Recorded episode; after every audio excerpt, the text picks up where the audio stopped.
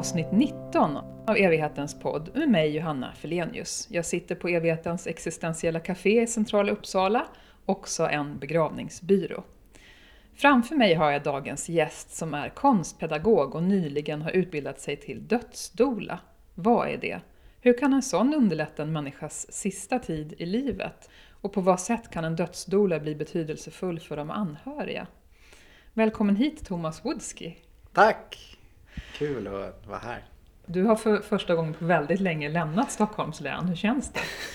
det är så, jag är så taggad. Det var så roligt. Och typ, jag köpte en tågbiljett och jag, det är ju inte så långt. Men jag, det, det känns stort att resa för det har i alla fall inte jag gjort nu på, på länge. Jag, vet inte, jag brukar tåga runt ganska mycket annars. Mm. Så det var välkommet. Thomas, första frågan i podden är alltid, vad är meningen med livet? Jag vet inte. Jag kände ju till den här frågan och har så här klurat och så här tycker att liksom, jag vet inte är ett ganska bra svar eftersom att det finns något fint i det mysteriet eller så här enigmat som jag tycker i alla fall är ganska så här mysigt att förhålla sig. Jag tror att många andra gör det också, inte alla men en del. Men sen har jag också tänkt att jag är väldigt fascinerad av språk. Jag har pluggat mycket språk. Håller på mycket med jiddisch. Och på jiddisch så har man tradition av att svara en fråga. Speciellt en fråga som man får sådär lite pang på. Med en annan fråga. Typ, vad är meningen med livet? Eller kanske, vad är meningen med icke-liv? Med de svaren lämnar jag lämnar det där hem. Jag tyckte själv att vad är meningen med icke-liv var en ganska bra fråga att ja. kontra med. Hur mycket är det någonting som du har funderat på? Frågan är ganska provocerande för att om jag säger att meningen med livet är X och en annan person hör det och inte har lyckats med det. För att den kanske är, om jag säger att meningen med livet är att äta semlor och den här personen är glutenintolerant. Jag vet inte, nu blir det ett fånigt exempel men du förstår vad jag menar. Man sätter sig på en väldigt hög häst som man börjar uttala sig för mycket om det, tycker jag. Och samtidigt så är det svårt att veta så här, men då har traskat mig igenom livet och inte kirrat med det där som meningen var. Det kanske var meningen då. Det finns mycket knepigt med att hitta på ett svar tror jag. Mm. Eh, jag tror att det är bättre att typ ha icke-svar. För att vi har så olika förutsättningar och, och möjligheter och, och, situationer och så helt enkelt. Jag tycker det är lite bekvämt att så här, tänka att, det, att jag inte vet. och att det kan vara alla möjliga svar. Vi kommer mest i det här samtalet prata om det här med dödsdola och vad det innebär. Men jag tänkte att vi backar bandet lite till först. Du är eh, en massa saker, men bland annat konstpedagog. Ja. Vad gör en sån? Ja, men en konstpedagog, det finns också lite så olika skolor, men det handlar väl någonstans om att, tänker jag, så här, kommunicera kring, kring konst. En del skulle säga förmedla, men då blir andra inte glada. Det finns lite olika diskurser. Men för att så här kortfattat så kan jag säga att jag jobbar på konsthallar en del eller på museer med utställningar och, och visar konst. Pratar, alltså har samtal. Men också jobbar med, med, så här, med workshops med material och så. Ibland kan det, ofta kan det vara i kombination. Så här, du kanske kikar på en textil och så här, provar på en textilteknik.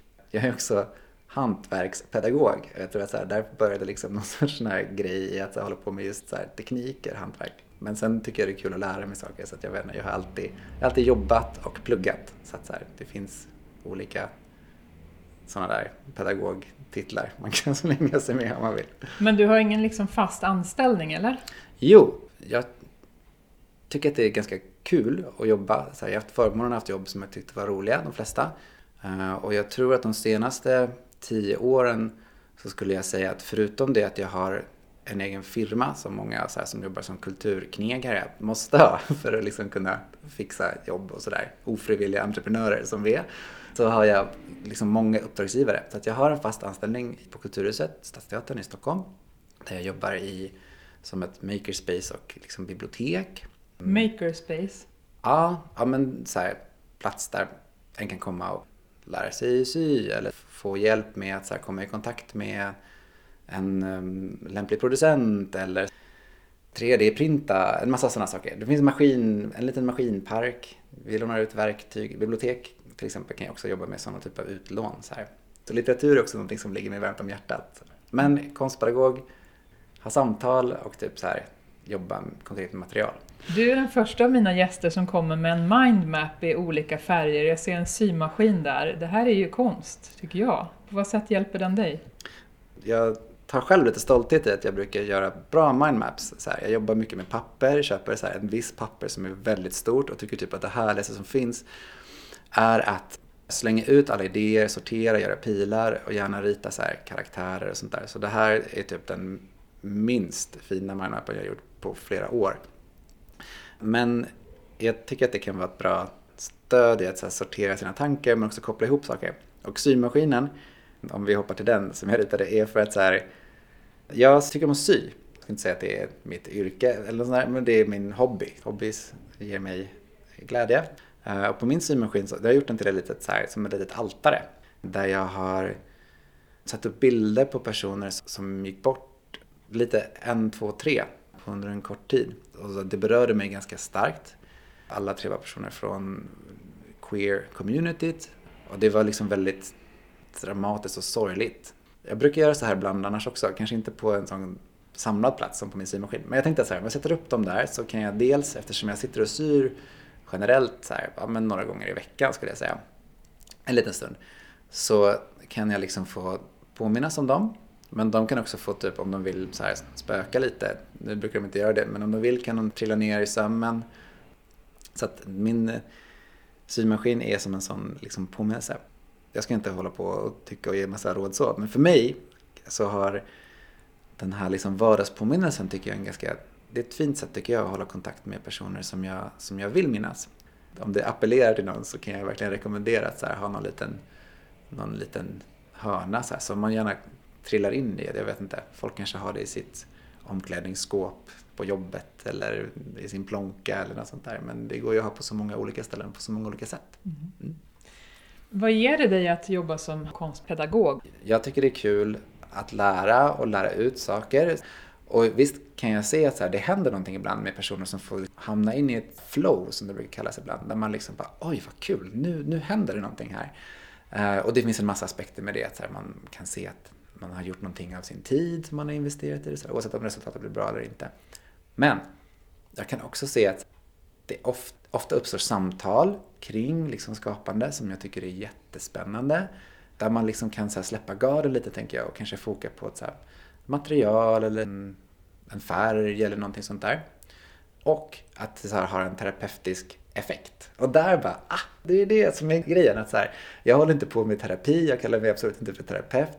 Men jag kan se att så här, det har någon sorts terapeutisk effekt. Och det räcker för mig att så här, bara, ah, men jag kan se att många mår bra av, av det här, precis som jag gör.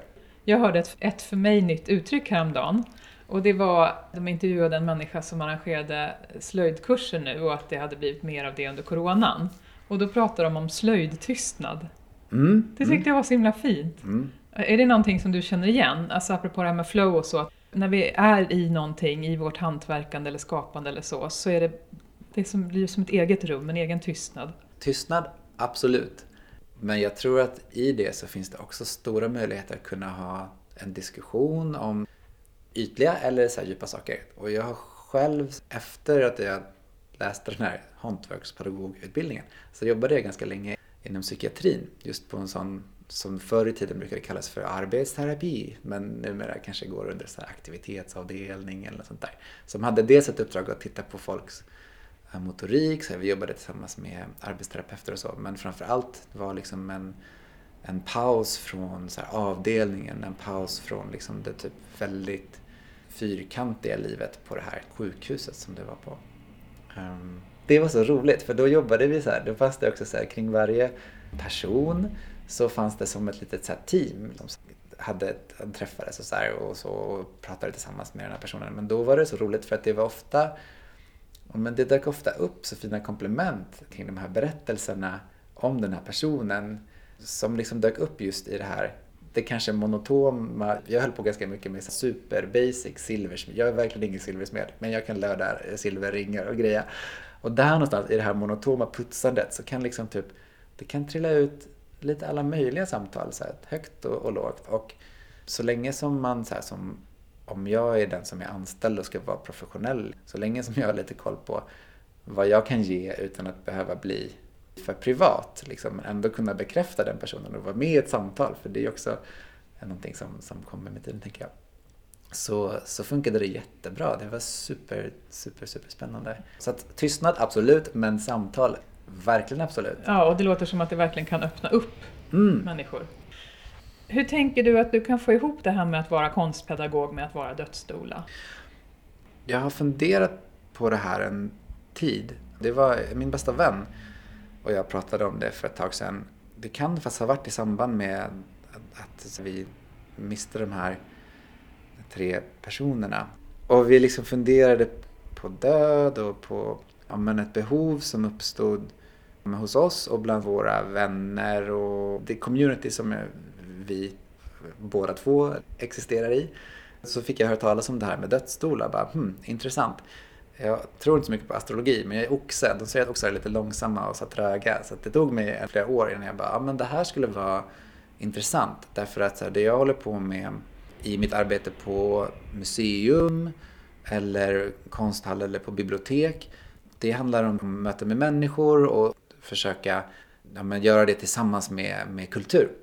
Och det skulle vara jättespännande att jobba med den här målgruppen som liksom befinner sig i, i livets slut. Jag har jobbat med, med förskolebarn, jag har jobbat med unga människor och med människor lite äldre och sådär. Jag har även jobbat mycket på hemtjänsten. Och ska man hårdra det så kan man också se att inom kulturvärlden så pratar vi ofta om de som köper biljetterna till teaterföreställningarna eller går på museerna. Det är många äldre och så här. Det här är ju inte kanske sant för alla, men för väldigt många kulturinstitutioner tror jag skulle svara det. Att så här, det är framförallt men, äldre medel, liksom, snittålder som besöker oss. Men vad händer när de inte kan ta sig dit längre? Så då insåg jag att de är förmodligen fortfarande i samma behov, eller kanske mer, av att uppleva eller, eller återuppleva litteratur eller konst eller kanske till och med och det här är jag lite osäker på men, men hur det skulle gå till. Men jag tänker till och med kanske så prova att, att liksom göra ett, ett avtryck, ett uttryck på något sätt. Så, så jag sökte in, eller jag skrev till den här dödsstolutbildningen och bara hej, jag har tänkt så här, kan det här vara en utbildning för mig? Jag tänkte kanske inte jobba traditionellt på samma sätt utan det här är min, min ingång. Och så, så skrev jag lite fram och tillbaka och sen så bara, ja men det här, det känns bra. För dig har det med att bli äldre att göra också. På vad sätt då? Om jag ska vara lite analytisk, som någon sorts queer-person så tror jag att jag ofta Ja, men ända sedan jag var liten så har jag blivit läst som lite typ fjollig och kanske lite så. Och att det finns någon sorts liksom rädsla i det. För att det får man lära sig som typ kille. Att det är någonting dåligt. Någonting så här som inte tas seriöst. Och jag tycker det är lite härligt att bli så här äldre. Liksom, men närmar sig 40 här snart.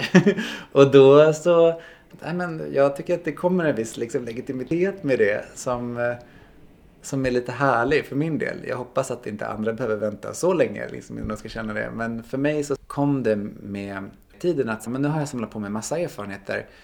Jag vet inte om jag är expert på något, men, så här, men jag har ändå testat lite olika saker och, och framförallt varit nyfiken på massa olika grejer. Så jag tänker att ja, men, jag kan prova mig fram här också. Handlar det lite grann för dig om att våga vara med dig själv och att du kanske inte bryr dig lika mycket om Eh, ja, titlar eller hur det framstår eller vad någon tycker om det, eller? Jag vet inte, jag skulle inte säga så, men jag tror att jag känner att jag har till viss del kunnat vara mig själv, till viss del inte, från så länge jag kan minnas och inklusive nu. Det är en erfarenhet som många queers bär på, kan berätta mycket om och så ingår i det här en diskurs som handlar om typ att passera eller inte passera, liksom typ vad du får för legitimitet när du blir bemött av andra. Eh, men någonstans tänker jag så här, ja men om jag tror att jag inte bryr mig lika mycket om så här, om någon skulle ha problem med det, ja okej, okay, tråkigt. Men det finns ingen idé att försöka typ ändra om det.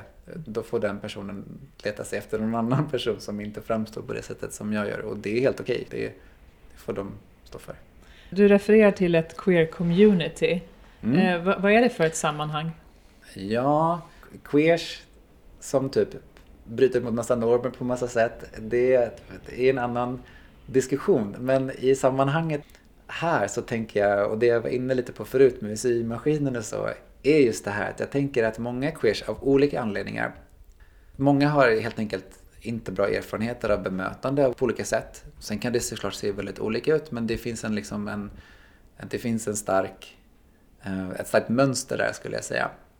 Och i sorgarbetet, så här, vilket knyter an till det här med dödsstolar, så, så är det inte ovanligt. Eh, och det här vet många säkert som lyssnar, men kanske inte alla. Men det är inte helt ovanligt att, alltså även idag, 2021, att personer inte kan eller får eller vågar gå till en ceremoni, begravning. Det handlar om att personen som blir ihågkommen kanske benämns vid fel namn eller fel pronom. Det finns en massa olika lager av det här.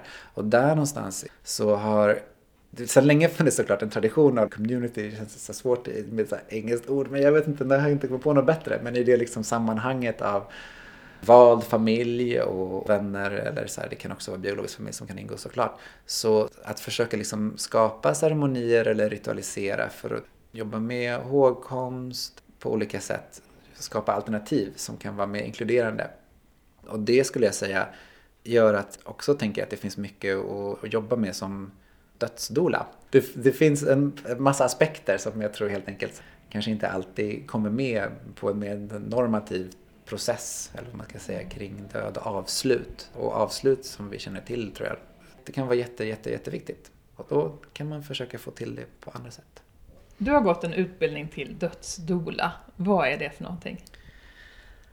En dödsdola kan vara massa olika saker. Men en dola känner kanske många igen från födsel. Då. Ibland så kallas de också för livets slutskede, dola eller death midwife. På svenska är det ett ganska nytt begrepp. Och det, är väl, det handlar om det.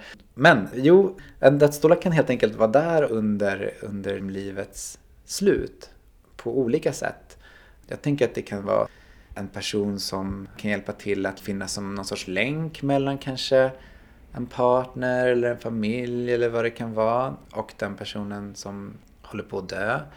Dödsstolar kan liksom jobba med allt från att här, försöka göra tillvaron lite mer härlig och bekväm och så gott det går i liksom livets slut. En dödsstola kan ta emot information som den döende kanske vill liksom skicka vidare antingen till anhöriga eller någon annanstans. Helt enkelt vara en person som inte är involverad i det här andra runt omkring som inte har den historien som vi har när vi har relationer. Att då har vi, det är massa olika lager som gör att ja, men jag kanske är bekväm med att fråga om det här men inte om det där. Och då tänker jag att en dödsstola kan vara där och förhoppningsvis ta emot några av de frågorna och kanske råd, liksom vara en rådgivare. För mig är det här väldigt nytt. Så att säga. Under den här utbildningen så var det väldigt så informationstätt liksom, och mycket att läsa in på också, både inför och faktiskt också efter Um, ja, men som handlar både om liksom vad man har för alternativ, eh, kremering, alltså så här, högt och lågt. Så. så jag skulle säga att den presenteras som en palett med olika färger utan att nödvändigtvis börja måla med dem. Du gick en distansutbildning, en kanadensisk distansutbildning. För det, det finns ingen dödsdoula-utbildning i Sverige mm. ännu. Alltså hur stort eller vanligt eller man ska säga är det här i Kanada? Har du någon bild av det? Det är roligt med Kanada för så många brukar ofta jämföra så här, bara, Kanada är precis som Sverige. Och det säger ibland, eller tvärtom, så här, både folk liksom här och där. Men det är också mycket som, som skiljer åt. Och en sak som skiljer Kanada ganska mycket åt från Sverige är dels att det är ett sånt enormt, det är ett sånt stort liksom, ytmässigt land.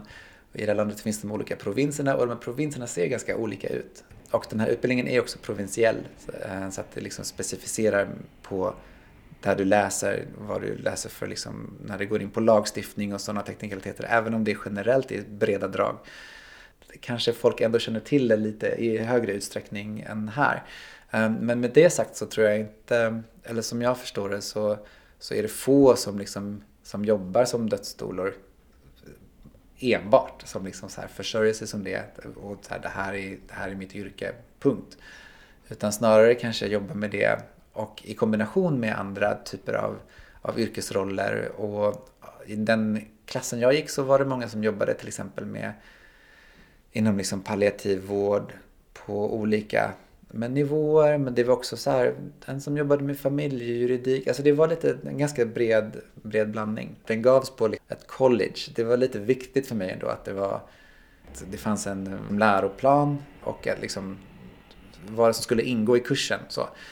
Det här är ju en betalutbildning. Hur stor Mm. grej var det för dig? Inte alls. Jag har pluggat i Kanada tidigare och så här, fattar att så här, ja, men då får jag betala. Så att jag, är inte, jag är inte främmande för det och jag tycker att det verkligen är någonting som jag är tacksam för att det går att, att plugga saker utan att behöva ha en massa pengar här. Men samtidigt så tycker jag att, att de utbildningar som jag har betalat för har hållit väldigt hög kvalitet. Det var ingen konstighet för mig. Liksom. Hur tänker du att du ska kunna underlätta för en människa som vet att den ska dö? Det finns en massa saker som skulle kunna gå att göra. Men det jag är nyfiken på just nu, nu har det blivit ännu mer lite bromsat liksom. Jag, det här, allt det här har ju i princip skett under covid-tid. Men eftersom jag jobbar som liksom någon sorts kulturarbetare och har de här platserna och de här institutionerna som jag jobbar med eller för så tänker jag att så här, men då har jag någonting bra i ryggen där. Min idé är liksom att skapa någon sorts betydelsefulla möten med kultur för personer i livets slutskede. Det är liksom mitt första steg är verkligen att försöka undersöka det, tänker jag. Och, och vad kan betydelsefulla möten handla om för dig? Och jag tänker att det kan vara, ja men precis som när jag ger en visning och vi tittar på typ ett konstverk så finns det jättemånga möjligheter att ha ett samtal.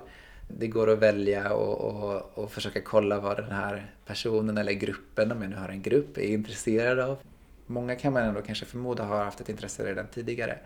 Och där kanske det också finns en, en en trygghet i att återbesöka ett, ett verk som har betytt någonting för dig och jag kan tänka att det kan vara den här diktsamlingen, den verkligen talade till mig i mina punkt, punkt, punkt år. Liksom. Mm. Jag skulle vilja återbesöka det och se vad som händer.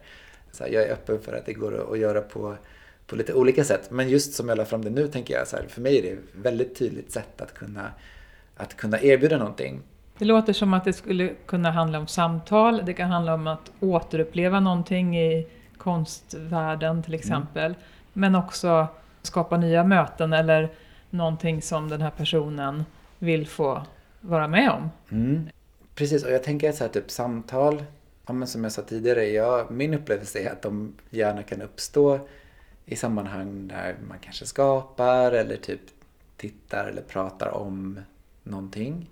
Eh, och plötsligt så, så öppnas det upp någon sorts liksom, i fokuset på någonting annat kan det ibland vara lättare att så här, öppna upp lite, i min erfarenhet. Men jag är inte heller främmande för att så här, vara mer, om det är någon som känner sig mer redo att vara pang på och, och liksom jobba med någonting. Ut, alltså så här, vill att jag förbereder någon sån typ av material, det vore ju jättespännande.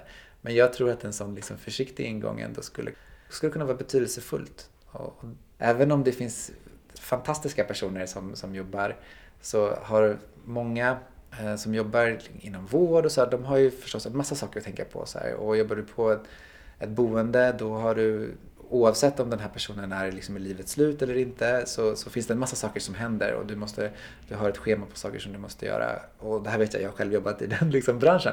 Och även om många försöker ge det där lilla extra så, så kan det vara om jag kommer in som en utifrån, liksom utifrån person så tänker jag att jag förhoppningsvis har en annan möjlighet att, att bara fokusera på det här. Eh, och det tycker jag är en fantastisk och en rimlig service att ge till den som, som, som vill det. Och då pratar jag både från ja, men, kulturinstitutioner som är öppna och många dessutom gratis, statliga museer att besöka för, för det är, vi äger det tillsammans. Det är vår konst som hänger på Nationalmuseum som vi har tillsammans. Så därför kostar det ingenting att gå in. För alla funkar det kanske inte att googla fram en bild och känna. Utan då kanske jag kan ta med någonting och ha den, det samtalet eller den visningen eller den liksom magin som jag tycker kan uppstå i de här mötena Mm. där. Eller så blir det bara en liten dikt och då kan det räcka också. Det, det kanske är bra att säga det att, att dödsstol är ju inte en medicinsk titel. Det är ju inte en alternativ sjuksköterska eller så. Absolut inte. Och jag tänker att det är ett socialt jobb. Som jag sa tidigare, jag vill inte heller göra anspråk på att typ hålla på med terapi. Jag kallar det inte det. Men däremot så kan jag se att ja, men det, det händer saker hos oss när, med de här mötena Mm. ändå. Jag vet att du tänker också att du som dödsdoula kan vara viktig för de anhöriga, de som finns runt en person som vet att det närmar sig livets slut. Hur, hur då? Jag tror att det kan vara bra att ha en person som kommer utifrån för att just för alla de här invecklade relationerna som vi har, den här historien. Vi kanske har olösta och då finns det också någon sorts sån här idé om att, om att det går att kanske försonas och lösa upp saker. Det kanske går, eller så går det inte men det kanske går att komma en liten bit. Det kanske går att göra någonting mer, lite bättre. Det kanske finns en, en, en mat, en smak, en doft. Jag vet inte, det kan vara någonting bekvämt, en liksom, någonting som kan göra det lite härligare. Jag tror att både för familj, för att liksom svara på din fråga, och som är liksom, om det är en person som håller på att dö, befinner sig i sitt eget arbete. Och för vårdpersonalen som kanske också har ett annat fokus, även om igen det finns många som, som tar sig tid att försöka samla upp det där, så, så tror jag att det finns möjligheter ändå att försöka plocka upp de grejerna och se vad som går att göra här och nu och vad som går att göra kanske direkt efter döden. Det kanske kan vara att skicka en hälsning till de som är kvar efter att personen har gått bort. Det finns också en sån, det kallas för legacy project, alltså någon typ av så berättelseprojekt. Och det tänker jag också kan vara någonting som, som, som skulle kunna gå att jobba med, som handlar om att kanske samla foton eller försöka se om det går att liksom kartlägga någonting. Någon vill göra en tidslinje, någon vill göra ett, sortera foton, någon kanske vill eh, göra en receptsamling. Ja, men jag är mormor liksom. Det är jag som vet bästa pannkaksreceptet. Alla älskar ju mina pannkakor, oavsett om det är sant eller inte. Så vill man kanske ändå skicka vidare det där och det där kan bli någonting jättefint, tänker jag, att samla upp.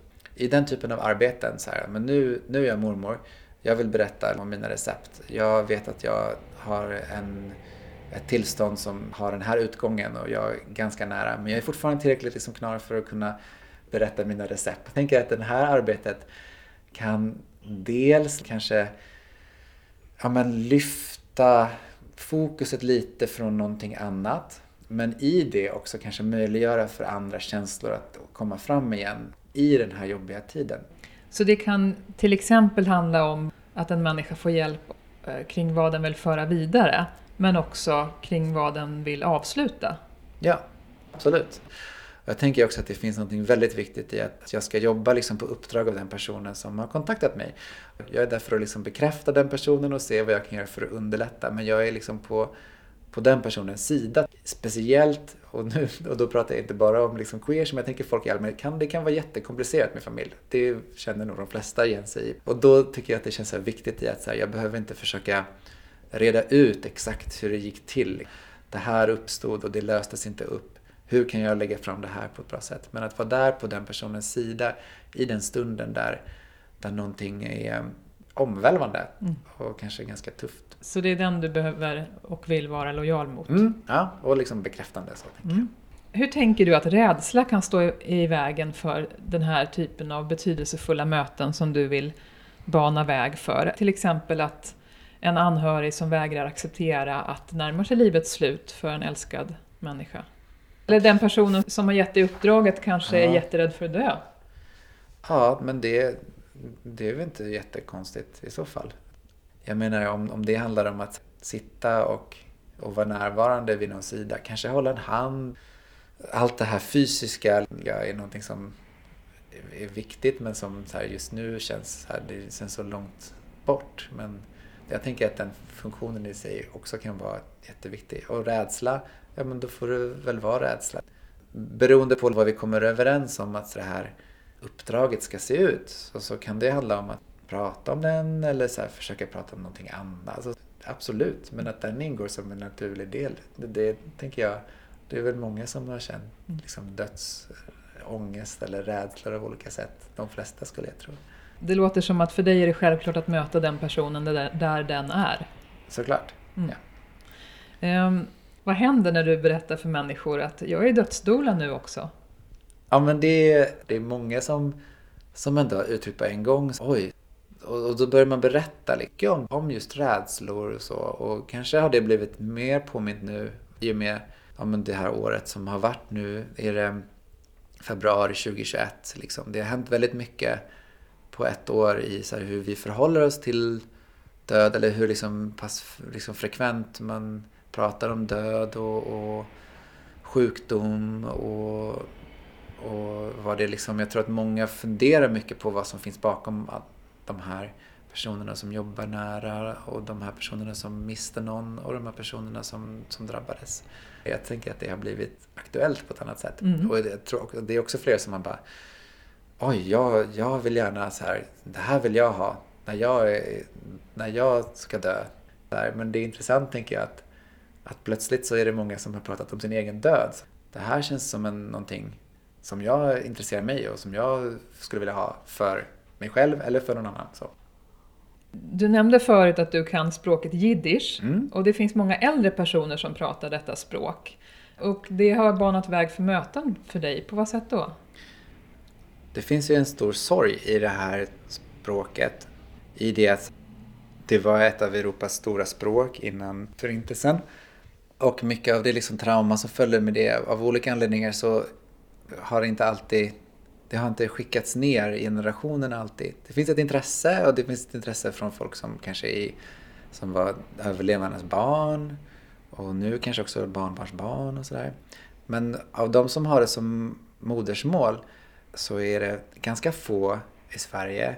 Många som är, som är äldre och de är kanske 90 plus. Eh, och det är jättefint. Jag är tacksam för jättemycket som, som liksom jag har trillat in på. När jag trillade in på jiddisch och så här började förstå att det går att kommunicera så, så öppnades det upp en värld av, ja men det fanns massa äldre som jag av olika anledningar träffade som bara, men vänta lite så här, nu jag vill berätta den här vitsen om rabbinen med läppstiftet från Helena Rubinstein. Och då är det plötsligt så här, den här personen har kanske inte kunnat berätta det för, för sina egna barn. Och då har jag fått en massa vänner som är äldre. Det har varit fint. Men kan man säga att du på sätt och vis redan har jobbat som dödsdoula redan innan du gick den här utbildningen? Jag vet inte om man kan säga att jag har jobbat som dödsdoula men däremot så tänker jag på att jag jobbade på hemtjänsten. Att jag upptäckte att det, det fanns en massa sätt att göra vardagen lite roligare hos de här personerna jag besökte där. Jag tycker fortfarande att det är ett av de bästa jobben jag har haft liksom på ett sätt och på ett sätt så var det ganska liksom slitigt. Men man fick hälsa på i folks hem. Alltså vilken grej! Här är du hos någon som har liksom samlat på sig massa spännande saker, böcker eller liksom några gamla foton. Eller det kan vara Det finns så mycket. Man behöver inte vara för nosy att alltså, fråga för mycket. Jag tänker att det finns en massa saker i bemötande som man måste vara noga med om man blir nyfiken på en person för att inte liksom vara för att låta den personen ha makt över sin egen historia, speciellt när du är i någons hem. För då är man väldigt exponerad, tänker jag, som en person som tar emot någon. Att du kanske inte vill att någon ska fråga vad det där är för någon gammal tekopp som står där på en speciell hylla. Men jag upplever ändå att så många öppnar upp sig och de här berättelserna är ju helt fantastiska. Men att jag minns att jag var precis efter gymnasiet och så jobbade jag hos, hos Karl-Ivar som typ älskade Edith Piaf. Och det efter en stund så bara, men varför lyssnar vi inte på Edith Piaf? Så du har ju en LP-spelare och typ alla Piafs LP-skivor. Det blev som en, som en grej som bara, en superbra start. Det var så himla litet och någonstans där, där och då, eh, 19 bast eller något. Jag hoppas, så här, och det har jag verkligen sagt till folk som är mig nära mig, att jag bara, om jag inte kan kommunicera eller tala så här, se till, alltså så här, jag älskar att lyssna på musik. Se till att det finns musik. Så här, den behöver inte ens vara bra, men så här, jag, vill, jag älskar att lyssna på, på musik. Den kan vara klassiskt eller någonting nytt eller någonting gammalt. Det spelar inte så stor roll, men bara se till att, att jag får det. Där någonstans såg jag så här, men någon, vi hade glömt bort, vi som besökte Karl Ivar, att så här, sätta på den här musiken och han hade liksom av någon anledning inte bett oss om det heller. Det kan man säkert applicera på alla möjliga typer av, av konstformer, tänker jag. Jag tänker att du säger något jätteviktigt här, för att dels så hittade ni en egen ritual. Mm. Och sen så var det ju en sorts, ja, det kunde vara i ett ordlöst möte, alltså ni behövde inte prata, alla människor eh, har inte tillgång till talet längre, kanske särskilt i livets slut. Och sen så också att det var ett möte som inte var fysiskt. Du behövde inte sitta nära och hålla honom i handen för att ni skulle känna en sorts samhörighet. Precis. Mm. Samtidigt så kom det ju med tiden, nu ska jag berätta om Paris. Och det visste jag inte om tidigare. Ja. Du berättade tidigare att du hade förlorat tre personer i din omgivning och att du har ett altare för dem hemma på symaskinen kan man säga. Mm. Så att de kan trilla ner i det du arbetar med. Och sen så var det en en annan förlust av en person som har påverkat dig mycket? Ja, men det, jag hade en vän som, som gick bort för ett och ett halvt år sedan ungefär. Vi träffades så här, när jag var lite nyinflyttad i den här stan. Jag kan sy saker åt folk eller så måla. Det var en sån här utbytessida. Men så här behövde hjälp med typ måla hemma hos sig. Jag fixar. Jag målar en, en tapet, så här. jag målar mönster. Så det, det var jättekul och så blev vi kompisar och så var vi vänner. Och sen fick jag reda på att så här, den här personen att hen hade eh, en sjukdom och att det ja, så här, började närma sig livets slut. Och jag var lite oförmögen, eller jag var väldigt oförmögen att, att ta in det och hade inte själv riktigt jag liksom frågade inte så mycket. Vi hade kontakt och sen sista gången vi sågs så, så vet jag så att, att han var ganska sjuk. Men jag gjorde ändå så här, jag bara, men jag, jag, jag, jag kommer hälsa på så här. Jag vet ju var du bor någonstans så här. Och förresten så här typ, och det var sommar och jag bara, men du det finns ju ett jättebra karibiskt ställe så här. Jag köper med mat, det kommer bli supergott. Ja men så sågs vi, åt vi lite mat, men så här, han hade på i så här, så kemoterapi och liksom typ, och det var cellgiftbehandling. Cellgift, mådde inte toppen, men det var, vi hade en väldigt fin stund. Och när jag gick jag bara, åh vi skulle ha tagit en bild tillsammans för nu skulle, det här var i Kanada och jag bara, jag kommer nog inte komma tillbaks på typ ett år. Jag brukar åka dit på somrarna. Ja, jag skulle ha tagit en bild men det kändes inte heller helt passande på något sätt. Så jag bara, äh, jag tar det nästa gång. Och så blev det sista mm. gången vi sågs. Och jag liksom typ den här döden påverkade mig så mycket har jag tyckte att det var så mycket som jag önskar att jag liksom kunde ha gjort efter att den här personen dog som var en queer-aktivist så liksom ordnades det så manifestationer för så transpersoners hälsa och så massa saker som i min kompis namn. Så här, det var väldigt fint. Men jag var inte där för det liksom, och kunde vara med de personerna. Men så snubblade jag över min bästa vän håller på att utbilda sig till dödsdoula och vi tänker att vi ska jobba ihop så småningom. Och ordnade då det finns olika typer, det finns dödscafé och det här skulle vara en sån bjudning som heter Dinner with Death. Och det skulle vara liksom som en hyllning till en person som, har, som hade gått bort. Och jag bara, men det här är ju precis, det här var några månader efter. Och jag hade liksom så här, ja men jag kände mig så påverkad. Jag hade liksom inte den där närheten som jag kände att jag ville ha med någon. Liksom att verkligen få så här, sitta lite med, med det här sorgliga. Och då dök det här Dinner with Death upp och det var fantastiskt. Um, som var då knytis kan man säga där deltagarna uppmanades att komma i tid, eh, ta med sig en, någonting liksom ät eller drickbart som skulle vara vägg och alkoholfritt. Um, och liksom en person. Um, eller kanske fler, men i alla fall en. Liksom. En person som man ville hedra på något ja, sätt. Ja. Då satt vi där och alla hade med sig liksom en person. Det fanns ett litet bord som ett litet altare som var väldigt så här väl förberett. Och vi åt och så gjorde vi liksom en runda där folk fick presentera. Först en runda där folk fick presentera sin mat som var medhavd. Och sen en liksom för att prata lite om den här personen som var liksom medtagen till det här eventet. Och det var så fint. Och som jag nämnde så var det så här, den sista vi gjorde var att vi åt ihop. Eh, och jag är ingen superbra matmästare men bara försökte verkligen, var hittar jag bra rotis? Karibiska rotis är svåra att hitta i Stockholm. Men jag lyckades hitta ett okej okay rotis. Det här är rotis med en sån här sötpotatiscurry. Liksom. Det var ju det som vi hade gjort. Och så fick jag berätta om så här, vårt sista möte och om min saknad. Och så. För mig räckte det med, inte jättemycket tid, men det var väldigt, det var så viktigt i mitt sorgarbete att få berätta det här och också få sitta med andra som hade berättelser som var mer eller mindre Eh, liknande. Och det var också väldigt fint att få knyta det till just den här middagen, till maten, till det vi liksom åt och drack. Så, så det blev en väldigt, väldigt, väldigt stark upplevelse. Det här konceptet finns väldigt tydligt att snoka upp själv på nätet om, du vill, om man vill läsa mer om det. Jag kan verkligen rekommendera det som, som en, eh, en metod om, så här, om man vet att man har flera andra som kanske skulle vara i behov av det. Så kan man läsa och skapa en sån tillfälle själv. Och det är någonting som du vill göra? Mm, för att så här, hoppa tillbaks, om jag går till så här, det här med college och så här, Kanada. Det finns också en liksom, dödsdole-fackförening kan man säga i Kanada.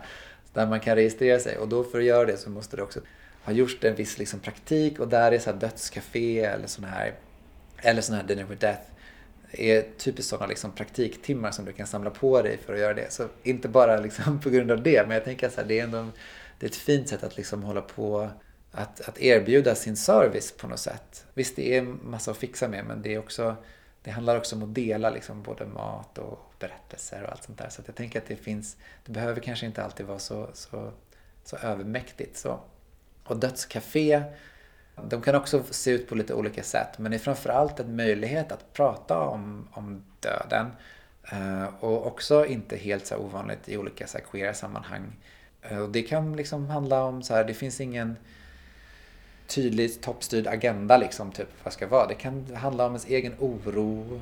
Och tänker jag är någonting som, som jag tror att det kommer finnas ett ganska stort behov För till skillnad från Dinner with Death som jag pratade om tidigare där du jobbar kanske specifikt med en, en speciell sorg eller en speciell person så kan dödscafé vara ett mer allmänt sätt att kunna prata om död. Och jag tror att vi efter det här, eller om det nu blir ett efter, liksom, när det, jag tror att vi har ett behov av att prata om det nu som är större än på länge, tänker jag. Och jag ser själv att så här, jag hoppas kunna styra upp en sån typ av dödscafé på min arbetsplats. Att så här, erbjuda, ja men vi ses efter jobbet på den här platsen.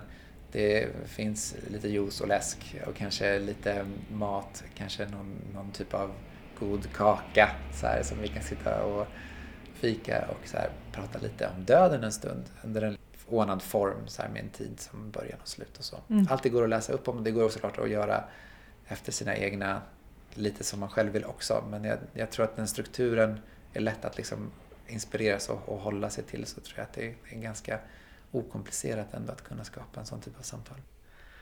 Thomas, vad har du för bilder av livet efter detta, om några? Tror du på något sånt? Ja, men ja. ja. Men jag tänker typ, som jag nämnde tidigare, så tycker jag det kan vara lite mysigt när folk gör sig påminda. Om jag kallar det för spöka lite. Och det är inte heller så här, för mig spelar det inte så stor roll om det är en ande som jag måste typ förankra i någon sorts liksom tro. Eller om det är en påminnelse som mina, som mina sinnen skapar. Det spelar inte så stor roll. Men, men jag tänker att det är, oavsett hur jag än vänder och ser på det, så är det ju någon sorts fortsättning. För då har jag ändå kontakt. Ett tydligt exempel på så var en, en vän till mig som tog sitt liv på ett väldigt dramatiskt och men, ganska hemskt sätt. Och som vi sörjde. Och det var, ganska, det var oväntat. Men som liksom dök upp i så mina drömmar sen. Så här, men en, ganska, en tid efteråt. Men på ett väldigt tydligt sätt. Och sen så nu kanske jag övertolkar det. Men för mig var det väldigt tydligt i den här drömmen. Och det var så roligt för att i min så här, dialog, jag bara, men, men du är ju död. Varpå hon svarade, knasboll, jag är inte död. Alltså så här, och där någonstans fick jag ju svar på det. Jag vet inte, men att hon inte är död, det vet jag. För det har hon talat om för mig i den här drömmen. Väldigt tydligt liksom. Och på ett sånt självklart sätt som hon var också. Det låter väldigt härligt. Det var fint, det var en fin dröm. Eh, hur vill du själv bli ihågkommen när du inte vandrar kvar här på jorden? Okej, okay. jag måste säga att jag typ har varit Ja, men speciellt när jag var yngre så har jag tänkt så här, åh, jag måste göra någon, så här, någon grej som, som blir kvar. För det, jag tänker typ att jag inte, har jag uppfört en byggnad eller gjort någonting så här, även om det inte finns någon garanti för att en byggnad står så tänkte man så här, ah, men vad kan man skriva en bok? Men det är ju ganska fåfängt att skriva en bok bara för att den ska finnas kvar när man dör. Det har jag släppt lite igen det känns skönt. Men jag tänker om, de, om någon vill minnas mig så hoppas jag att de minns mig som en nyfiken person. Jag känner mig nyfiken och hoppas kunna få vara nyfiken på, på lite allt möjligt, också människor. Räcker det så? Ja, men sen om jag glöms bort, då, då är väl, det är väl lite sak samma. Men jag hoppas de som kommer ihåg mig ändå har någon typ av positiv tanke kring det.